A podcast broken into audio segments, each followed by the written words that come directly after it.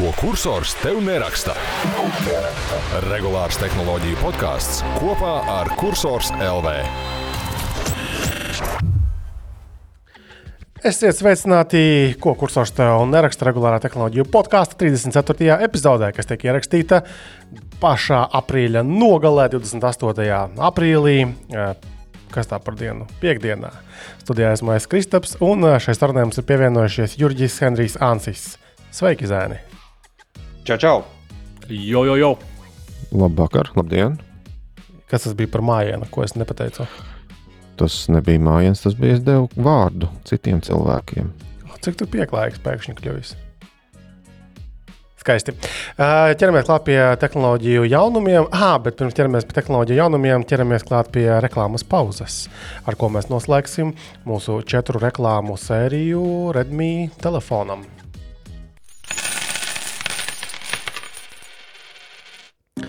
Jaudīgas telefona iekšas un krāšņais displejs, protams, ir forši, bet cik bieži un ilgi būs jāuzlādē Redmi Note 12 Pro 5G vietā?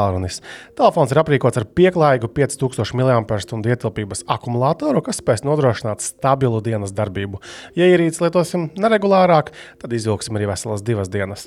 Redmi Note 12 Pro 5G varam uzlādēt ar 67 vatu jaudu, un ātrais lādētājs ir iekļauts ierīces kastītē. 15 minūtes pie lādētāja, un visu atlikušo dienu varam vairs nedomāt par telefona uzlādi. Uzlādes ātrums un komplektācija piesmēja tādus lielos vārdus kā Samsung, Google un Sony. Ne tikai vidējā, bet pat flagmaņu klasē. Redmi Note 12 Pro 5G var iegādāties savā iecienītākajā gadgetu veikalā.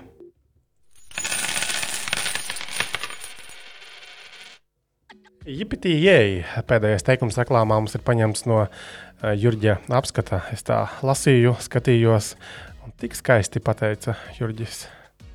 Jo tā arī ir.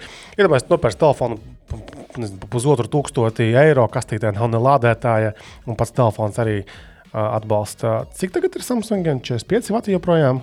Ir viņi tikuši 45, jā. 45. 45 un uh, šo, tā kā šobrīd testēju vidējo klasi, tad tiem ir 25, un budžeta klasē vispār ir tikai un vienīgi 15, kas ir, nu, vispār tā kā. Neiedomājami tas tā kā iPhone. A, cik ir iPhone tagad uz šiem te 20, 20? Man šķiet, ka 27 bija. 20. 20 no 15 uh, bezvadu uzlādē. Nu, Henrij, kā, kā tur aizstāvēties šajā situācijā?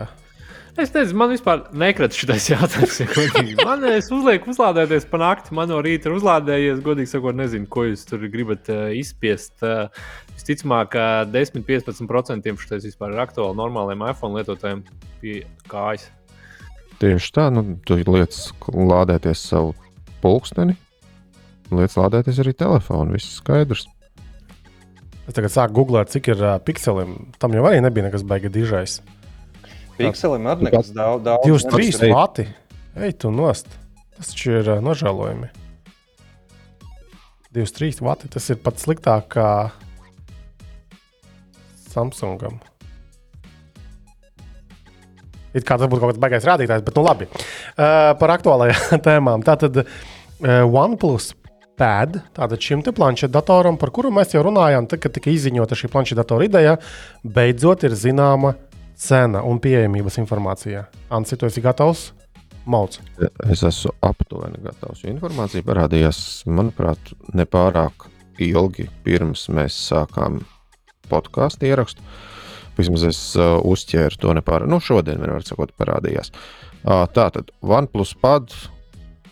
Uh, planšetdators, pirmais no OnePlus, uh, diezgan ilgi viņi tur marinēja, izreklamēja, varēja iepriekš pasūtīt, laikam tur samaksājot, cik nu tur bija kaut kādi 50 vai 100 dolāri vai kaut kas uz to pusi. Bija tas triks, jā.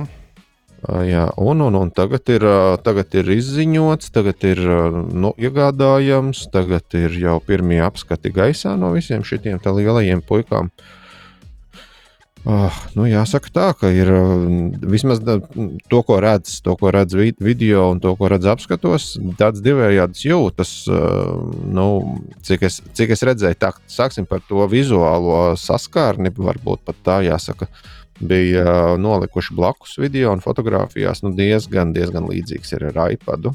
nu, ar, ar, ar, ar iPad osu droši vien tā jāsaka. Ir. Nu, tur tā viss vizuālā, tas, ko mēs redzam ekrānā, nu, sākuma ekrānā. Vismaz man, tā, man, man bija tāds iespējas radies.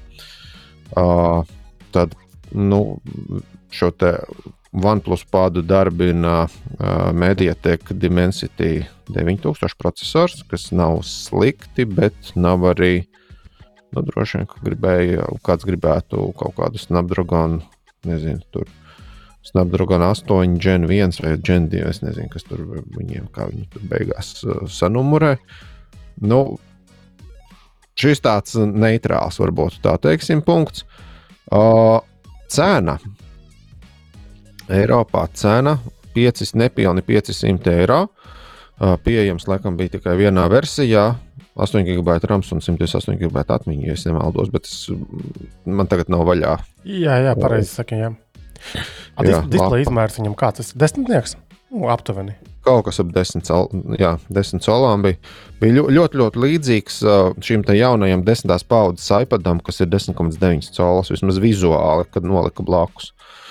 Uh, Tad uh, vēl par lietām, bet, bet kas... tikai pēc priekšas, jo aizmugurē gan viņiem ir atšķirīga. Aiz, aizmugurē bija, jā, jā, kamera bija cen, nu, neteiksim, centrā, bet nosacīta kaut kādā nevis stūrī, bet nā, no šķautņu vidusdaļām vai kaut kā tā jāsaka. Ir. Uh, tā labā ziņa ir tā, ka sola un, un reāli arī esot aptuveni 10 stundas, ja tu spēlē spēlītes, akumulators notur. Uh, gaidīšanas laikā, gaidīšanas laiks tur mēnesis, nu, tukšgaitā, ja viņš vienkārši var izslēgt ekrānu, čuču atvilknē. Kaut kas uz to pusi. Neviens gan nav pārbaudījis, jo nevienam nevien šis te, uh, OnePlus pats nav bijis, protams, mēnesis. Uh, bet sliktā ziņa, ka atkal ir gājuši, nu jau, nu jau ir pārspējuši Apple OnePlus šajā ziņā, ka nav, ziņā, ka nav iedavuši līdz lādētāju nu, briku sienā bāžamo struntiņu. Ir tikai, nu, ir tikai sarkanā krāsā vats, pats OnePlus pats ir zaļš. Un uh, man ir šeit man ir jāsaka, ka uh, vismaz šobrīd Apple ar šo te nu, nepārāk, nu, protams, vietā viņiem līdzi vairs nedod, bet planšetdatoriem dod šo uzlādes klucīti līdzi. Un, un, un, un, un OnePlus pats vairs nedod. Nu, tas jau ir slikti. Nu, protams, OnePlus pats ir 50, aptuveni 50 eiro lētāks par desmitās paudzes šo iPadu. 100. Es skatos, ka 599 maksā iPad 10,9. Nu, tad 100. Ja tu paņem veco iPad 10,2. Uh, tas ir lētāks. 449. Nu, tad tas ir šitā parasto iPad kategorija. Ja tīri viens pret vienu skatās, tad. Nu, jā, man nu, vairāk... Zin, kā, man liekas, iPad vispār lādētājiem pa lielam var jau paņemt portatīvā datora lādētāja. Es te liktu 50, 50. Šitais arī vairs nav tik būtiski. Teiktu, nu, ka ir, ir jāņem labāks. Jā, ja mēs runājam par iPad, tad jāņem vērā, ka 9. paudzes iPadam ir šis te tan, nevis Thunderbolt. Lightnings. Lightnings, jā. Un, un, un, un 10. paudzes, tam, kas ir 10,9 colis, tam jau ir Type-C lādētājs. Es arī papētīju, kas par accessoriem tam iPad, fūkādam iPadam, tam OnePlus padam. Tu vari nopirkt tātad vāciņu bez tastatūras OnePlus folio case 59 eiro. Nu, jā, labi, dārgi, ne lēti. Uh, Tad, protams, ir vēlme gan jau cilvēkiem pēc tastatūras, nu, lai izmantotu kā mazu laptopiņu. Tas ir OnePlus Magnetic Keyboard 149. Kas ir aptuveni tā kā lētās, pēdiņās, lētās Apple tastatūras, tāpēc ka dārgā Magic Keyboard maksā ap 300 eiro. Bet tā, protams, ir fenomenāli laba, smaga, ārkārtīgi. Tā, bet uh, pa 149 ir ļoti ok. Uh, savukārt, OnePlus Stylo uh, Tāds dirbulis uh, maksā 99 eiro, kas ir diezgan salīdzināms arī ar uh, Apple Pencil 2, kas liekas, arī apstāta, ko maksāja. Kaut kas tāds tur bija. Ja? Viņš virs, jā. Uh, es gribēju par to, jā. par to OnePlus tastatūru piebilst, ka tā gluži nav tā kā iPadiem dārgā tastatūra, jo ir, uh, ir kontaktu savienojums, nevis Bluetooth savienojums pirmkārt, un otrkārt uh, ir tikai vienā, cik varēja noprast, ir, nu, tu vari to OnePlus padu nolikt tikai vienā leņķī. Tev nav nekādas izvēles vairāk. Bet iPadam nav Bluetooth. Viņiem speciāls savienojums. Nu, vienalga, viņiem ir bezvadu savienojums. Nu, pie, pielipini un uzreiz viss darbojas. A, Šeit ir Bluetooth. Praksē, man liekas, tā nav baigā problēma. A, tā tastatūra OnePlus, OnePlus gadījumā pati uzlādēsies, vai, vai kā tur būs? Nu, viņi paņem no akumulatora, tā kas ir um, OnePlus padu akumulators. Nu, ne, nelādējas. Es tā Ā, domāju. jo- Tur nav Jo akumulatora. Apple iekšā. gadījumā tu pielipini un tu nedomā vairāk par lādēšanu nekad nekādu tā tastatūrai. Viņi vienkārši Šajā darbojas. gadījumā arī, jo, jo šeit nav bezvadu sa- savienojuma, šeit ir fizisks savienojums, kontaktiņš vai pārīts kontaktiņš kaut kādā. Nē, nē, nē, es Kristaps domāju, ka tu iesprūdi uh, iPad klaviatūrā, tu iesprūdi viņā, un tad viņi lādē arī iPad. Droši vien tas bija tas jautājums. Nē, nē, nē, nē, šim nē. Ah, jā, jā, šim, šim, šai, šai tastatūrai nav nevienas pieslēgvietas. OnePlus tastatūrai nav nevienas Nu, pieslēgvietas. Apple jau arī nav tur magnētisks. Nē, tur stūrītī ir USB-C. Tu viņā iesprūdi, un viņš to lādēs visu. Nē, es runāju par savienojumu starp uh, planšetdatoru un tastatūru. Jā, tā tad savienojums starp planšetdatoru. un Abos tastatūru. gadījumos ir Apple magnētisks. gadījumā ir kaut kāds bezvadu, OnePlus gadījumā ir fiziski kontaktiņi. Tā. Pagaidi, bet tad nekāds Bluetooth nav vajadzīgs arī OnePlusam. Vokur rakstīts, it magnetically attaches to the OnePlus pad without the need for Bluetooth. Jā, tur tā- ir kontaktiņi kaut kādi. Tieši tā, tā tad ir pilnīgi tāpat kā Apple gadījumā. iPadam, jo iPadam arī ir kontakti. Nu, tieši tā, A, nu, kurienes tad Bluetooth uzrādās? Kontaktiņi ir uzlādi. Nē, Abā eh, visam, Viņi arī visam. tagad Apple arī viņam aizmugurē tādu punktiņu jauniem iPadiem, un viņš automātiski, magna, nu, arī speciālais. Es aizmirsu, tagad, kā saucās, bet. Pogo pins, man liekas. Jā, jā, tā arī saucās. Jā. Jā. Tad, tad tā, abi, abi ir tādā ziņā baigi līdzīgi. Nu, lūk, un noslēdzot šo te, kā baigi mēs izplūdām. Kopumā izskatās normāli tas produkts, cena izskatās normāla. Un kaut kur es jau redzēju uh, virsrakstus no sērijas, oh, beidzot, labākais uh, Android planšetdators ir pieejams un cena. Jā, nu, tāds pats arī ir tie pogopini. Tā kā, Bet vai tā viņi nesaka par visiem, visām planšetēm jaunajām, kas iznāk? nu, jā, bet uh, cik tad iznāk Android planšetes? Uh, man liekas, ka bez Samsunga nekas tāds baigi mūsu pusē vismaz nav manāms. Jo, nu jā, pasaulē, protams, ka tur pilns ir visādi gan jau ka produktu, mazāk zināmu zīmolu, bet mūsu pusē nu, tā baigi nav. Tas, protams, ir tāds jautājums, vai vispār baigi to planšetu datoru vajag cilvēkiem. Nu, bērniem skatīties spēlītas, bērnam tu nepirksi pa 500 eiro. Ā, Tas šo, šo planšetu datoru. Man gan izdauzīja, uzdauzīja iPad mazo. Es biju savu veco iPad mini 4 atdevis ā, mazākajam bērnam, lai tur rambā kaut kādas spēlītas. Un, uh, kaut kā neveiksmīgi paņēma, dzirdēju, plakš, aizskrēja prom, nepaskatoties. Es domāju, nu ko sadauzīja. Un pēc brīža no blakus istabas bija, "Mie!" protams, zirneklis. Paskatījos, cik vispār no, maksā nomainīt uh, displeju šādam iPad mini 4 vecam, plecam planšetdatoram. Nu, tur, man liekas, bez 100 eiro vispār nav ko darīt. Un, un tas ir tā stulbi, jo tā pati ierīce maksā kaut kādi lietota 170 eiro. Tā kā jā, nācās atkal viņa tā kā iegriezties, nopirkt vēl vienu tādu pašu vecu krāmu. Jo iPad mini 5 maksā jau 300 eiro. Un tik daudz nopamatot par vecu iPadu vairs es nevarēju. Tā kā tā. Nedaudz iet uh, iPadus. Ugh, bet starp citu, uh, es tad sāku meklēt, uh, vai ir aizsargplēves nopērkamas. Jā, ir. Un tās, kas piektajām iPad mini dara, gan jau, ka dara arī ceturtajām, jo toreiz viņi nemainījās tie dizaini. Bet uh, es atradu tādu CoverMe uh, kompāniju. Viņiem esmu redzējis arī veikali šur tur. Un tur atbildēja uz manu zēpastu, kad es prasīju, hei, vai darēs tas uh, piektais vai, ne, vai nevajadzēs. Un, uh, viņi teica, ka viņi kaut ko tur var piegriezt. Un sāgā ir. Uh, un es domāju, ka es aiziešu paskatīties, kā izskatās. Ko nozīmē piegriezt? Uh, Viņa kaut kāds gabals. Tas bija to- atgādina, kā kādreiz grāmatas ievalcēja. Nu, Ā, jā? Paņēma ar karsto to La, laminācija kaut, kaut kas tāds. Jā. Jā, jā, jā. Es ar, es ar citu biju, biju viņu veikalā un es redzēju tādu vērķi, ka viņš ir kaut, kaut ko dara, bet dīvainā kārtā, tad, kad es viņai prasīju, vai viņam būtu kaut kas priekš uh, Nothing Phone, viņi pat nepiedāvāja man opciju piegriezt. Jo es gribēju. Nothing Phone, nu, tā kā to aizsargplēvi nomainīt, jo nu, viņi ir padzīvojusi un tur diezgan redzams jau švīkas.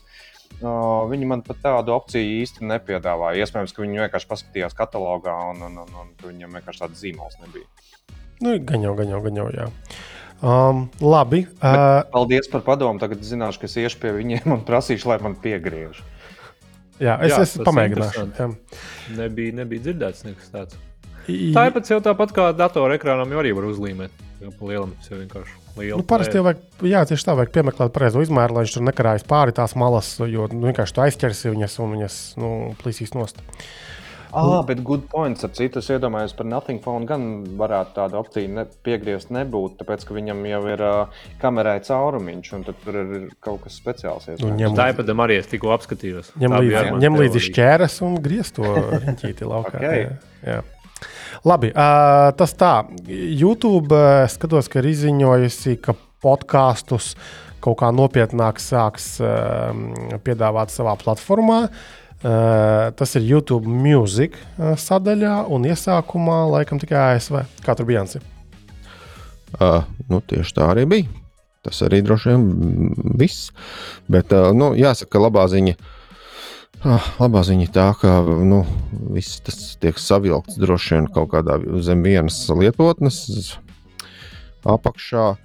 Uh, jo, jo, jo ir šobrīd uh, arī uh, Google podkāsts vai kaut kāda tāda tā lietotne, kur uh, Ah, jā, viņam nav viņš tā- atsevišķi pareizi bija. Jā. Un neslikta. Normāla tāda. Nu, es, es, to, es to lietoju, bet uh, nu, es neteiktu, ka skaņa ir baigta foršā. Man, man šķiet, ka skaņa nav forša. Mm. Um, ko es vēl varu pateikt? Nu, tas, ka ir pilns, atkal pilns vietā, runas ar dažādām lietotnēm, tas arī stulbi. Ko es vēl varu pateikt? Nu, gaidām, kad nonāks uh, nu, pie mums. Jo vispār, vispār bija kaut kāda ziņa, ka šo te, uh, Google podkāstu to lietotni, ka tur vairs viņa neparādīsies kaut kādos Google meklējumos vai kaut, kaut, kas, kaut kas uz to pusi tur bija. Nu, viņi lēnām kilo nost, cik var noprast šo podkāstu lietotni. Un acīm redzot, pāries uz YouTube mūziku. Nu, okay. Labi, sagaidīsim, kad viņi parādīsies mūsu pusē. Tad arī, uh, ja nepaņems automātiski no tā Google podkāstu menedžera, gan jau kā loģiski domājot, vajadzētu, varbūt kāds ķeksis tur būs jāieliek. Es ļoti šaubos, ka man tagad būs kaut kā manuāli citā vietā jāaugšuplādē šie podkāstu epizodes. Pamēģināsim, kad būs. No saistītajām lietām, nu, ja mēs runājam par, par podkāstiem, tad prātā nāk Spotify. Spotify bija ziņa, ka ka viņiem ir sasniegts kaut kāds aktīvo lietotāju skaita rekords ā, 500 miljonu, nu, pusmiljards cilvēku. Pagaid daudz. Jā, jā, jā, tā ir. Ja precīzi saka, tad eh, 515. Jā, tas, kā saka, var milestones liels. Uh, bet, uh, bet pa lielam tas arī viss var ja salīdzinoši tad, uh, 22% kāpums.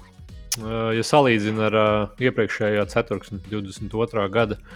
Nu, jā, tādā veidā. Un maksājošie droši vien interesantāk, jau cik ir maksājošie, tad maksājošie 210 no tiem. Nu, tad tā rupja uz ātrumu. Es nezinu, ka 40% maksā, kaut kur 60% nemaksā. Jā, un arī tiem ir 15% kāpums. Un, uh, kā nav slikti atlaižot tomēr darbiniekus, re, kur vairāk ir uh, gan maksājošie, gan, uh, gan aktīvie, tad jau kaut ko pareizā virzienā dara. Man tik patika, man liekas, ka mums arī bija raksts pirms kaut kāda laika, kad Spotify laikam nevienu gadu vispār nestrādā ar peļņu. Es tieši to gribēju arī teikt, ka nu, Un arī šeit nekas nav mainījies. ko tev dod pasaulē lielākais straumēšanas uh, servis. Ar, ar tik, cashflows griežas. Vispār tieši labs- tā, labs un, un, un dienas beigās tāpat visapbižotākie visā šajā stāstā ir ne mēs, klausītāji, ne Spotify kā uzņēmums, bet mūziķi, kas rada saturu vispār, kādēļ var pastāvēt šāds servis. Te kaut kas ir pilnīgi greizi un atgādni visā šajā pieejā. Tā kā, Nē, nu rakstā rakstīts, ka tas ir normāli kompānijām, kas visu laiku attīstās. Bet, nu, Es ne par kompānijām, bet par to, ka tas nav godīgi pret uh, satura radītājiem, mūziķiem. Tie jau tur cieši visvairāk, jo viņiem tas aprēķins uh, baigi dīvains. Ir. Vispār kādreiz būs Lauris Reinigs jāuzaicina uz interviju, lai viņš pastāsta, uh, cik viņš saņem par. Pagad, Vai- Dziedošais policists, man liekas, kaut kad bija ziņa, ka dziedošais Nikos. policists ir no šiem straumēšanas servisiem saņēmis tik daudz, ka viņš ir varējis atļauties uh, savu kaut kādu flitteru, izgraznot to žaketi vai kaut ko tādu, kas maksāja to brīdi 400 eiro. Vai, nu, kaut, kāda, kaut kāda tāda ziņa bija, bet man ir jāparokās. Jāparokās pie internetu plašumiem. skaistajiem. Tā tad kaut kas vismaz ir, un, un tas ir Nu, labi. skaidrs, kur tu rocies. Jā. Jā. Ja mēs vēl turpinām par straumēšanas tēmu, tad Kanāda ir pieņēmusi ļoti saudabīgu uh, straumēšanas uh, likumu. Ja? Tātad, tur tā doma ir tāda, ka tātad, Kanādā, lai varētu Netflix un tam līdzīgie straume, satura straumēšanas uh, servisi, tostarp arī Spotify, uh, ir jāmaksā hm, nodoklis, nodeva uh, īpaši tāda Kanādas radiotelevīzijas un telekomunikāciju komisijai. Uh, kas tad savukārt šo naudu novirza mm, kaut kādām citām kompānijām, citiem radītājiem satura, lai viņi acīm redzot varētu arī kaut kā izdzīvot. Ļoti interesanta pieeja. Kaut kur vēl tā ir, kad uh, žmiedz Netflix un Spotify, lai valstī varētu vispār viņi piedāvāt savus pakalpojumus. Jo, protams, ka kritiķi arī tā baigi iespringst, ka oh, tas ir pārāk sarežģīti tagad paliek. Cenzūra, tu tās aizvāksies šie foršie servisi no valsts un, un tā. Nu, es zinu, ka Eiropā viņiem bija jābalsta, jātaisa saturs noteiktās valodās vietējās. Jā, jā, tur tālāk arī ziņā ir, ka Eiropas Savienībā pieprasa kā minimums 30% uh, lokāli radītu saturu for member nations. Jā, interesanti, kā tas praksē darbojas. Es pieņemu, ka uz visu Eiropas Savienību idejas, ka, ja Jā, Latvija jā, kaut ko jā. populāru palaistu, viņiem vajadzētu straumēt. Vismaz nu, vienkārši 30% jābūt uh, Tāpēc, Jur, Eiropas Savienībā radītām. tāpēc Jurģis tik aktīvi filmējas Netflix seriālos, par kuriem viņš nedrīkst teikt ne vārda. Cerams, ka Netflix. Uh, nē, man- starp citu, man ir bijusi viena pieredze filmēties Netflix seriālā, kurš visticamāk neiznāks. Tāpēc, O, ka, tāpēc, ka tā, tur bija uh, Krievu produkcijas. Uh, neskatoties uz to, ka tur filmējās pārsvarā angļu aktieri un, un, un, un, Un diezgan daudz latviešu aktieru. Bet, um, bet es arī pieļauju, ka tas attiecās uz visu Eiropu, tāpēc ka šobrīd uh, ļoti daudz arī Eiropas līmenī tiek runāts par uh, sadarbības projektiem starp valstu. Un tiek veidots arī dažādas tur, finansējuma schēmas, lai, lai pieņemsim, nu, uh, ja Latvija nevar atļauties savu seriālu, tad Latvija kopā ar Čehiju un, un, un, un, un Bulgāriju var atļauties seriālu. Tad, tad tā ir kopīga lietiņa. Un, un, un, un, jā, un, un tur ir runa par to, jā, ka, uh, kur mēs to rādīsim. Rādīsim straumēšanas uh, platformās, un kā mēs to panāksim, uh, uzliekot kaut kādu kvotu, kur uh, vietējiem saturam ir jābūt tik un tik. Nu, ok, labi, redzēsim, kā tas viss sanāks. Galvenais ir turpināt filmēties, lai mums būtu ko skatīties. Jo pagaidām esmu kuplā skaitā redzējis uh, tavu dalību cepumu reklāmās. Joprojām uzglūna, man liekas, kaut kādos veikalos. Uh, tas uh, gailis, jā, Pēters Gailis, tu esi tur. Jep. Lieliski. Uh, bērni, bērni neklāt uz ielas. Nesaka, ej, šitais ir tas uh, cepumu čalis. Zini, bē- bērni, bērni mēdz atpazīt, bet bērni mēdz no viena bērnu seriāla atpazīt. Bet, man vakardien bija brīnišķīgs piedzīvojums. Um, braucu mājās, gribēju ieiet. Mums pie mājām ir tāds brīnišķīgs tāds, vagoniņš ar nosaukumu Kotleša lietus, kur tu vari Mm. ātri paķert kaut ko gardu, kad gribās nu, apēst. Un, uh, nu, tur stāv pie, pie, pie, pie, pie šī kioskiņa, gaida savas uh, dienas šās pusdienas, un, uh, un pēkšņi uh, pārdevēja atplauks smaidā un, un, un atpazīst mani no, no, no seriāla. Pienāk vēl viens čalis klāt un atpazīst mani no otras seriāla, tad dabūju uz, uz uh, kotlešu lietu salvetēm uh, dot arī autogrāfus. Un, Viņas kā Tas bija mans vakardienas highlights. Nu, redz, cik jauki. Redz, cik jauki. Tātad, uh, bet tu neesi vienīgais uh, latvietis, kam veicas dzīvē, jo vakar tādā interesantā preses relīze atlidoja. Atcerieties, uh, jau gan labi sen ir tāds iPhone fotografijas school, kura kursus noteikti visus Henrijs ir izgājis.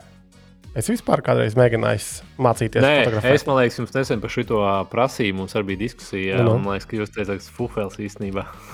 Nu, kas fufels? Kurš Bet, fufels? kas? uh, nu, cepur nost kaut kādā mērā malači viņu pārdod. Jo visticamāk jau tu visu vari atrast YouTube, bet viņi māk pārdot droši vien smuki. Jā, jo tātad uzņēmums vispār tika radīts kā hobijs 2012. gadā. Kurš iPhone 2012. gadā bija? Nu, baigi tāds sens iPhone. Nu, lūk, jā, tad Nē, tas jau. Jā, tā tad toreiz saprata, ka ir pieprasījums pēc uh, satura apmācībām, kā uzņemt foršākas bildes un arī video. Uh, un ziņa vispār kā tāda ir, tā, ka, ka 2023. gada pirmajā ceturksnī uh, šis uzņēmums un organizācija ir sasniedzis rekordlielu apgrozījumu. Tātad apgrozījuši 4,07 miljonus uh, dolāru, ASV dolāru, un kopumā pārdota 65,000 uh, rastīti apmācību kursi visā pasaulē.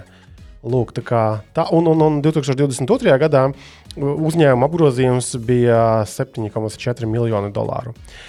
Ko, kopumā, kā, man liekas, ka tur jau nav sāls īsti tajos kursos kā tādos. Principā viņi ir ļoti krūti uh, digitālajie marketeri. Tā, tā, tā ir pamatkompetence, ko daudzi kaut kā varbūt tā nepamanā. Un būtu ļoti interesanti, vai viņi spēs, a, varbūt jau spēj, varbūt iekomentēju, ja kāds no turienes arī ir, um, vai viņi spēj pielietot šīs zināšanas uh, citu kaut kādu produktu virzīšanā vai pakalpojumu. Tas būtu interesanti. Mm. Nē, bet nu, kopumā cepuri nost. Viņi tur bija kaut kādi 30 uh, darbinieki, un nu, tomēr visu to apgrozījumu paceļ. Tā ideja jau, kā saka, galvenais mācīt pārdot, jā, kā tu saki. Mm. Jau, jā. Bet es vienu lietu no viņiem, man liekas, kaut kad biju klausies, kad reklāmas uzlikt re, režģīti. Tas ir vispār pirmais pamats. Jā, uzlikt kamerā režģīti. Ah, jā, tiešām tur ir 35 darbinieki. Tātad, un vairāk nekā 410 tūkstoši maksājošie klienti visā pasaulē.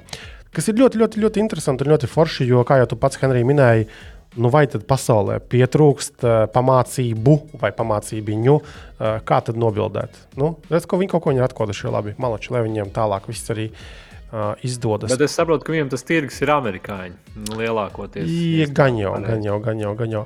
Vēl runājot par interesantiem uzņēmumiem, man vakar bija iespēja būt Viļņā. Piedalīties ar kolēģi vienā tādā mītapā tehnoloģiju, un tas pasākums notika tātad lietuviešu uzņēmuma Kilo Health telpās. Lietuvā ir, ir vairāki tādi ļoti veiksmīgi uzņēmumi. Tas pats Vinted, ja, kas ir second-hand apģērba tirgotājs, arī unikorns. Tāpat viņiem ir šis pats Kilo Health, ir liels uzņēmums, tur kaut kāds 100 miljoni vai pat vairāk bija apgrozījumi. Un viņiem ir tādā centra nomalē. Uh, tas birojs nenormāli hipsterīgi stilīgs. Uh, es pat neesmu drošs, vai Rīgā mums kādam. Es zinu, ka Printifājam ir tāds krāšņs, nu, košs uh, birojs. Bet nu, viņiem, tātad, tiem, tiem lietuviešiem, ir ēkā, kas senos laikos bija alus darītava. Uh, un, attiecīgi, gan jau kaut kāds vēsturiskais status, un viņi pagrabu nedrīkstēja jaukt nost. Un, tur tas milzīgas augstas uh, arkas uh, tajā pagrabā, viņi tur, tur bārs ierīkots, un tur visādi pasākumi notiek. Tā kā nu, ļoti, ļoti, ļoti stilīgs birojs. Uh, kopā 800 darbinieki, no kuriem 500 strādā šajā te, nu, birojā. Uh, bija ļoti interesanti paklausīties. Un, un, un bija jūtams, kā tie darbinieki, kas tur izvadīja ekskursijā, nu, ļoti fleksē, ka viņiem ir tik rudz birojs. Tā kā, jā, lai citiem uzņēmumiem arī izdotos uh, kaut, kas, kaut ko tādu sabūvēt. Jo biznesa monēta var iestiprināts bišķiņu. Droši. Vispār šodien ir teikt, čils Latvijā, ka mēs baigi nerunājam par to. Zinu, kāpēc nerunājam? Tāpēc, ka es arī braucu uz mājām, tieši nu, studiju, un es domāju, šogad gandrīz vispār neko nedzird uh, mārketinga aktivitātes par tekstilu. Jā, tur bija pāris preses relīzes par dažām tekstilu aktivitātēm. Uh, Bet vai nu es esmu vairāk ne, netrāpu kaut kādā mērķa auditorijā, uz kaut kādām reklāmām, uz kaut kādu saturu, bet uh, citus gadus priekšā un pakaļ visur bazūnē, ka tur tekčils, tekčils, tur krūtākais pasākums reģionā. Šogad gandrīz vispār uh, nejūtu. Jūs dzirdējāt? Labi, Ansis nē, viņš ir saukrastos, bet, uh, bet uh, Henrij, tu kā pilsētas zēns. Nē, es bišķiņu, bišķiņu dzirdēju, viņš te paši Egijai, piemēram, sekoja, kas no X drive, bet uh, es jau kaut ko iedomājos, jā, mēs vispār par to nerunājam, tad man vienmēr liekas, kāda viņiem ir tā, nu, tāda reāli godīgā nozīme un pievienotā vērtība. Cilvēku savākšana šitie... kopā, cilvēku savākšana kopā, tā ir vislielākā nozīme šādam pasākumam. Ne jau tas, ko tur runā, prezentē, tas tur tā daļēji. Bet tas, kad sabrauc kopā tiešām šie uzņēmumi, ne tikai no Baltijas, bet mēdz būt arī Skandināvijas, tālāk arī investori un, un kaut kādi vēl mēdīji. Cilvēku savākšana kopā ir īpaši pēc pandēmijas laikos, kad kā, mēģināja visi kaut kādus remote pasākumus online taisīt, kas nedarbojas necik un nekad. Tāpēc kopā sabraukšana ir, ir laba. Kolēģi man devās, tas deva laba. Pajautāšu, kā viņiem patika, kā izskatījās. Un, man bija šāds sazvans vēl ar dažiem cilvēkiem. Es redzēju, ka viņi veids sazvanu esot tur, tajā Hanzas peronā vai kur tas notiek. Tā kā labi, ka šādi pasākumi notiek, pat ja mēs varbūt nepamanām. Es gribēju, kāpēc jūs sakat, ka salkrustos nekā nav? Sien, nu, ok, sienas avīzē nebija par šo pasākumu. Nebija, nu, nākamgad noteikti vajadzētu. Varēja pierakstīt, jā, kad notiek šajās dienās. Uh, labi, tālāk, kas tad mums vēl tāds uh, Dyson Zone, tas um, tātad uh, headphones and air purifier, tātad austiņas ar iebūvētu uh, gaisa attīrīšanas uzpūriņu mehānismu. Mēs par to rakstījām, kad viņas tika izziņotas. Tagad senālēkam un pieejamība ir Henrija, kā tur ir. Jā, nu tagad ir, starp citu, arī apskati, ja kaut kam interesē. Es redzēju, bija Aijustīna, visiem zināmajiem bija jau apskati arī ierīci interesanti, diezgan masīvi. Jā, nu tad ir arī zināma cena. Uh, kā Eiropas tirguma, tad ir Lielbritānija mums, es to uzsveru, ka Eiropa bija 750 uh, mārciņas lētākais, un tad viens modelis, bija pāri 800. Tad uh, plus mīnus eiro bija kaut kur 850. Bet šodienas kurs, uh, tā kā reiķinot paši 850 eiro par Dyson austiņām ar filtru, priekš Dyson droši vien atbilstoši.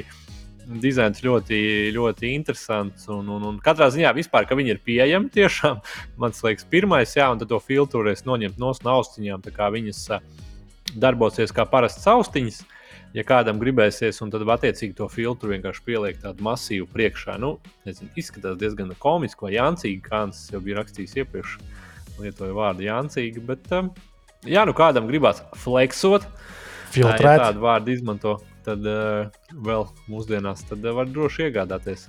Kaut kas bija. Stabili būs pirmais čels ciemā. Ja, ja mēs runājam par filtrēšanu, tad man prātā tagad, zin, kas atlidoja. Uh, Twitterī bija kaut kas nesen iemetis uh, tādu ļoti senu cēsu alus eh, TV reklāmu.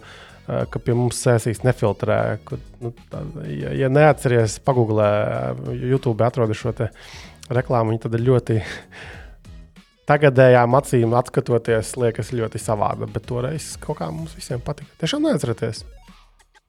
Ne, man tikai nāk pa ādas čipšiem, kur bija Gustavs vai kurš no reperiem bija. Iespējams, virpuļi. virpuļi. Jā, nu, lūk, uh, tas ir rādījis čipšiem beigās. Tas bija nesen.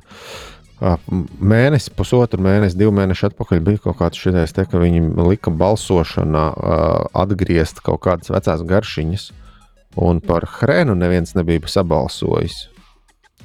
Nu, Pagaidiet, tagad ir tur kaut kāds hrēns. Tikai runā, ka tas nav tāds pats hrēns, kā bija senos laikos hrēns. Ja tas senos laikos hrēns bija reāli labs. Un man arī patika. Bet tagad ir kaut kāda citādāka. Kas tur ir mainījies? Viss tur ir mainījies. Hipsteri šeit snieg pārslīdus. Nespēja turēt īsto hrenu, ja? Nē. Ai. Bet tiešām mums pašiem būs jāsāk ražot uh, mārciņu, MKBHD kedas ražo. Mēs varētu kursors vēl vai mārciņu čipšas.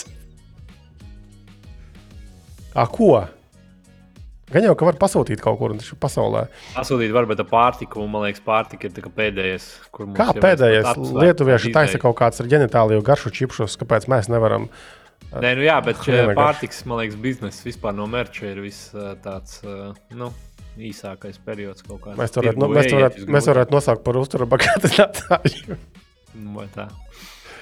Bet uh, labi par, uh, par uh, apaviem. Tad uh, MKBHD arī ir uh, nonācis tur, kur daudz visādi gudrinieki nonāk. Ja? Gerijs Veinerčuks taču arī kedu biznesu kaut kādu bīdīja. Sportisti bīda kaut kādus kedu biznesus vairāk vai mazāk veiksmīgi. Un tagad, Tāpēc, ka tu tagad grāmatas izlasīsi, ja? tad es gudrs par Nike kurpēm. A, tur baigi daudz nebija par tām sadarbībām. Tik ļoti tur bija par nopietnām sadarbībām ar īstiem sportistiem. Mm, mm -hmm. Par to bija mazāk, starp citu. Par skrējējiem nopietniem bija. Jā. Tā grāmata vienkārši ir veca pārāk. Bet uh, eh, MKBHD. Tātad fanu klubs kā vērtē šo visu? mums ir jāšauj vaļā. Jā, mēs jau pirms eh, podkāstā Kristus lika mūs nomierināt, bet es gribēju iemest diskusijai. Ko jūs domājat? Tātad eh, MKBHD. Viņš apskata tehnoloģiju produktus. Viņš tagad uzstājas savus kurpes. Vai tas ir tīri sausākais mārketings? Vai nu tomēr tur viņiem varētu būt kāda vērtība apakšā, un ko jūs vispār domājat? Jo pa lielam mums arī ir mērķiņš, Kristupam, re, kur ir galvā. Un, un, un Nu, ot, un, un Jurģim bildēs. Mu- Mums jau nav pieejams publiski, ne? Mums tikai Nē, pašiem ir nē. Vispār es, es Super. solīju arī jums atjaunot visiem, bet es Jā. ne, nebiju ticis līdz Mums tam. ir vēl. super, super, super prēmijums. Jā, bet, nu, jā. vot. Bet atbildot uz to jautājumu, Henrij, protams, ka tas ir tikai un vienīgi mārketings. Nu, Kāda pas, pilna pasaule ar, ar ķēdām kaut kādām un uh, diez vai kaut kāda random tehnoloģija, YouTuberi vai nezinu, liliju audzēšanas YouTuberi baigi kaut ko jaunu spēs izdomāt unikālu ķēdu jomā. Nu, nē, taču Bet vien- viņš divus gadus strādāja pie tā. Ko viņš divu gadu strādāja? Pareizo melno to viņš- nepiemeklēja. Tā viņš tās, jā, tonīts bija viens, tad bija materiāli, zole. Un, un, un tādā veidā. Tā kā. Nē, nu, Jā, stāsts nu, es- konfigurātorā. Es, es varu derēt, ka viņam ir tieši tādas uh, nu, zināšanas un spējas dizainā, ka viņš noteikti bija tas, kurš uh, pie šīm kādām divus gadus strādāja.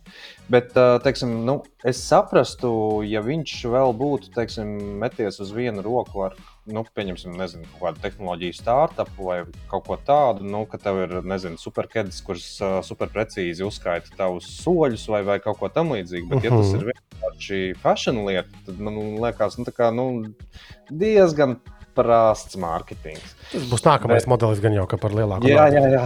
Bet, bet starp citu, um, um, mēs iepriekšējā reizē neizstāstījām par tiem papildus uh, Xiaomi gadgetiem. Un uh, Xiaomi uh, bez uh, 13. ultras bija iznācis arī jaunais, um, ja nemaldos, Mīmī Band 8. Un, uh, un tam, tam bija interesanti. Viņiem ir uh, citādākas tās siksniņas, un uh, to ir iespējams izņemt no siksniņas un uh, pieāķēt tev pie kurpēm, lai tu precīzāk uh, tieši tos soļus uzskaitītu. Mm -hmm. Nu, redzi.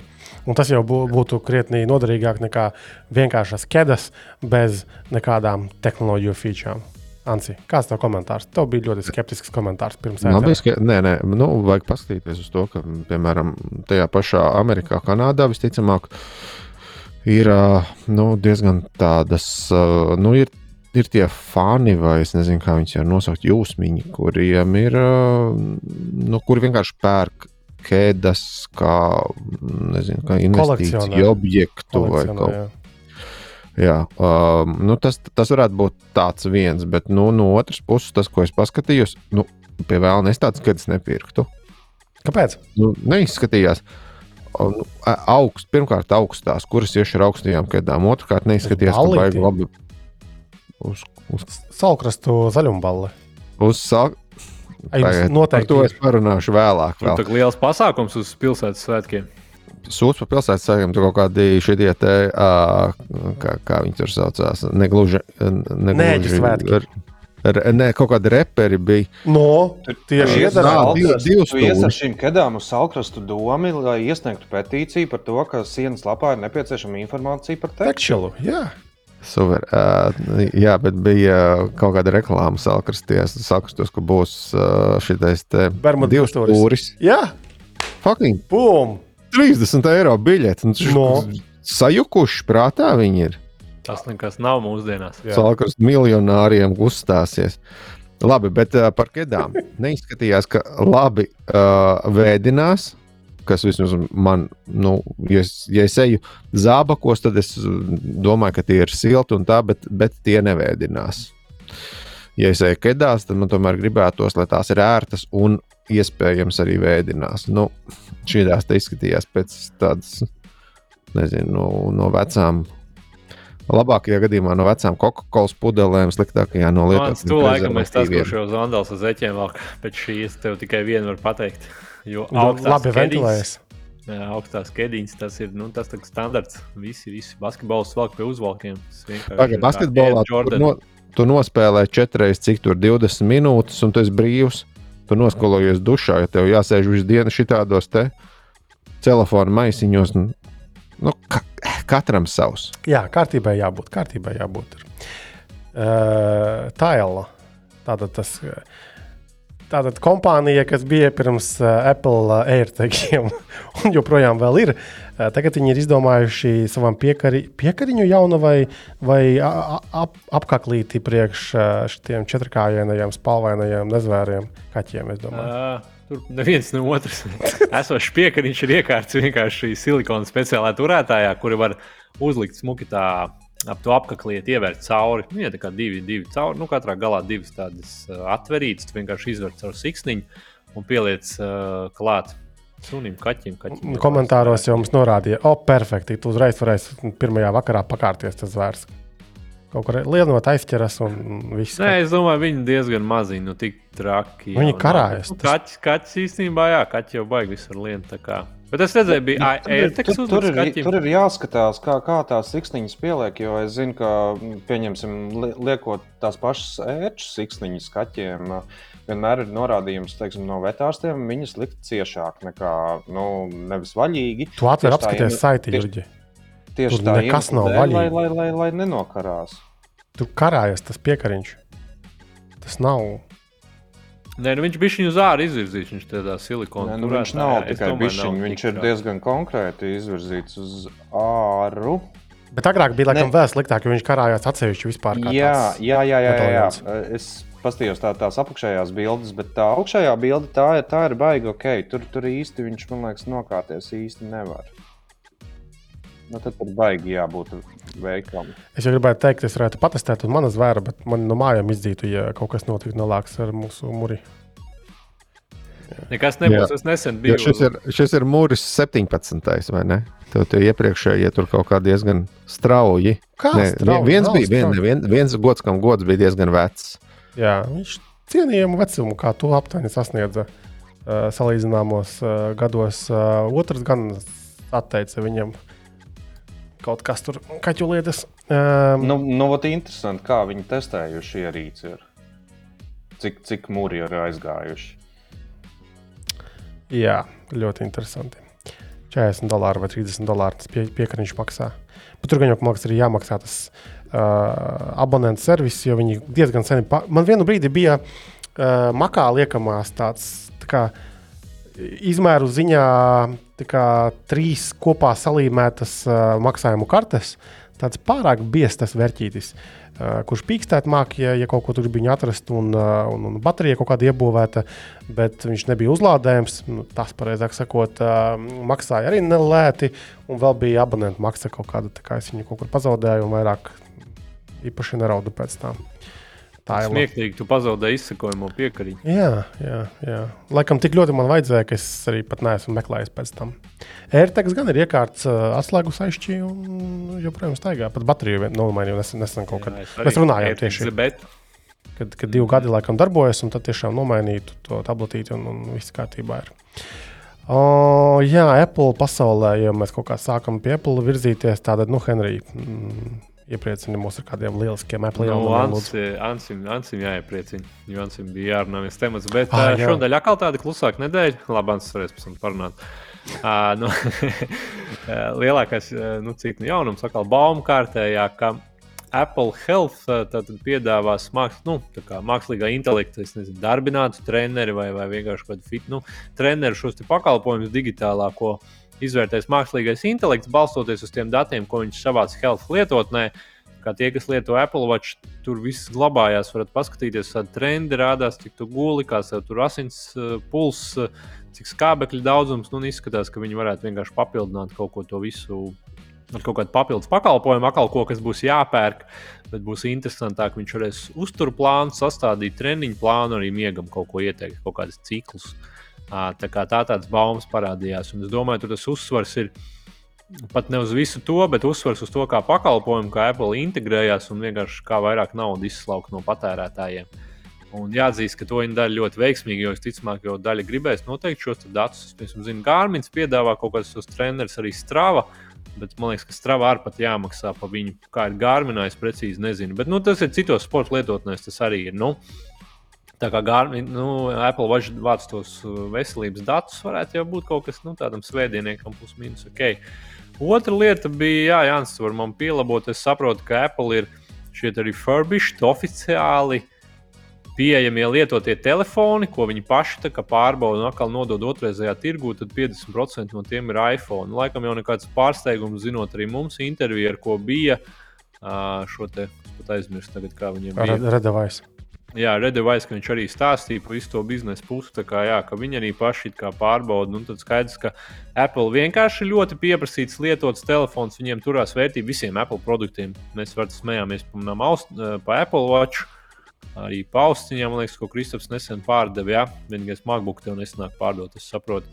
Uh, bet, jebkurā gadījumā, vai jau pārdevu, uh, jebkurā gadījumā uh, ir augsta vērtība, jā, un kad viņi tiešām oficiāli ir, es domāju, tur jau bez pārsteigumiem pa lielam, uh, ka viņi ir tik populāri.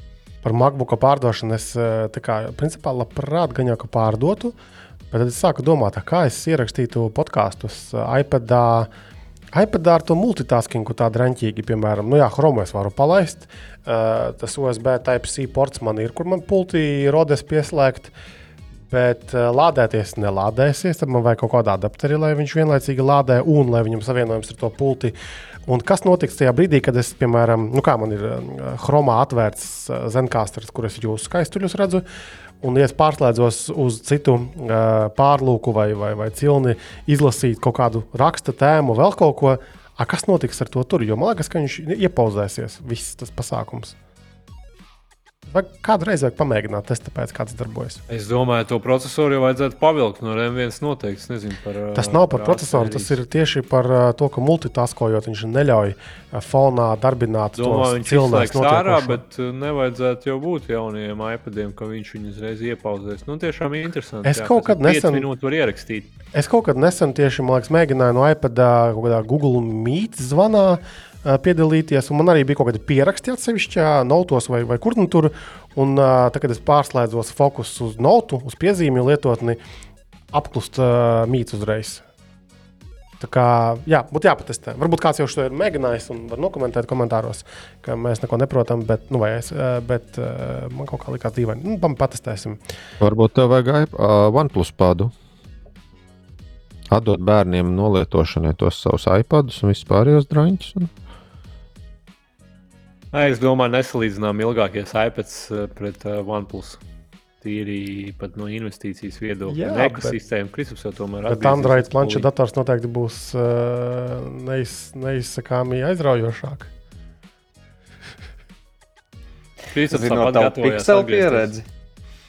Normāli, ik pa laikam joprojām zūd sakari, bet tā jau viss labi ir. Nerunājam vairāk par sāpīgu, ejam tālāk. Bet uh, tas viss īstenībā Apple frontē nekas šonadēļ liels nav. Jā, Paga, bet tas fitness plus Latvijā nav Nu. pieejams. šķiet. Nav, nē, man te viens, uh, kā saka, viens mans arī Apple fanātiņš stāstīja, ka tas esot saistīts ar to, ka nesot latviešu valodu. Un tas ir tāpēc arī, ka nesot homepad. Tā kā būšot it kā latviešu valodu vai attīstīt kaut kādu subtitru līmenī, tad uh, varētu būt, ka būšot pieejami šie servisi. Tā viņš man bija. Kam tur latviešu valoda? Tur skaties video, kā vicinās kaut ko. Un... Nu, Zini, kā es pieņemu, ka tas valodu. saistīts ar pieejamību. Zini, kā viss diversity, viss pieejamība, vismaz lai subtitri ir, zini, kā lai ir pieejami. Nu, es nezinu, tā viņš tā doma iemet, ka tur ir vairāk tas valodas supports kaut vai subtitru līmenī. Jūs zināt, kā par pieejamību runājot, ja, nu, tā kā accessibility eh, bija taču ļoti interesanta ziņa šodien, ka uh, Forza Motorsport uh, tajā jaunajā versijā viņiem ir um, uh, cilvēkiem ar redzes problēmām vai pilnībā akliem cilvēkiem, principā ir sabūvēti risinājumi, kā viņi var šo te, nu, racing video spēli spēlēt. Tur kaut kādas, jā, nu, tu redzēt, neredzi, kur tu brauc, bet tu ļoti, tu ļoti dzirdi, kā tu tur pa trasi novirzies, piemēram, no trajektorijas, un tad viņiem pilnīgi iel- ielikšu arī saiti uz šo te rakstu un uz šo te video, kur stāsta, kā tas darbojas. Uh, tajā podkāstu aprakstā, kursorā, bet ļoti interesanta tēma. Un tur, un tur tieši arī viņi nolgojuši ir neredzīgus cilvēkus, un tur ir nofilmēts un rādīts, kā viņi spēlē. Un es neteiktu, ka viņi baigi lēni brauc tur tajā, tajā spēlē. Un tas ir diezgan interesanti iedomāties, ka es pat redzot, nevaru normāli dažkārt pabraukt šajā spēlē, tā cilvēks mauc tikai uz dzirdību. Cits maņas varbūt bija šī cita arī. Nē, bet tā, bet, bet tā jau ir, kad teiksim, tam, kam ir ā, kam redze sliktāka vai kam nav redzes, tad tiem ir sāsinātāka, nu, labā ziņā uztvere tieši dzirde, ka viņš dzird un, un sajūt lietas, ko mēs tādi nu, nepārāk īpaši piefiksējam. Tā, kā tā, tā ir normāla. Vēl par video spēlēm runājot, bija ziņa šodien, ka ir izziņots uh, Diablo, tātad sistēmas prasības beidzot. Ja? Uh, un, un vēl taču bija tas jaunums, ka ir vēl viena kā, uh, demo uh, diena vai, vai periodiņš kaut kāds mazais būs, kad viņi ļa- ļaus stres testēt uh, serverus pirms ies gaisā uh, jūnijā. Bet par tiem uh, sistēmas prasībām runājot, tad minimālās prasības uh, Tad Full HD vai 720p izšķirtspējai 30 kadriem sekundē būs i5. Oi, 25000, kā tas ir kaut kas ārkārtīgi vecs. 8 GB operatīva atmiņa un GTX 660. Tas ir ļoti, ļoti, ļoti pieejamas lietas. Bet toties maksimālais, lai spēlētu 4K izšķirtspējā 60 FPS. Uh, i7, 8. paudzes. Tas arī nav nekas diži. Uh, vai Ryzen 7, 2007, 100X, 32. Aha, Bet, nu, video kartes. pagaidi. 32 gigabaita operatīva atmiņa. Man kaut kā likās, ka ar 16 varētu pietikt, bet nu, laikam nav. Un, Tur būs jāiesprāgst. un RTX uh, 3080 ir uh, minimums 4K gamingam. Vai, protams, arī RTX uh, 3, oh, 40. sērijas jaunajās un 90 gigabaiti diska vietas. Tā kā man pārsteigums par operatīvu atmiņu, par video karti. Nu, gan jau ka 4K gamingam tur vajag tomēr. Uh, Nu, pa lielam tev paies uz šī tāda datora. Nepaies. ko nozīmē Kāpēc ne? nepaies? Kas nepaies?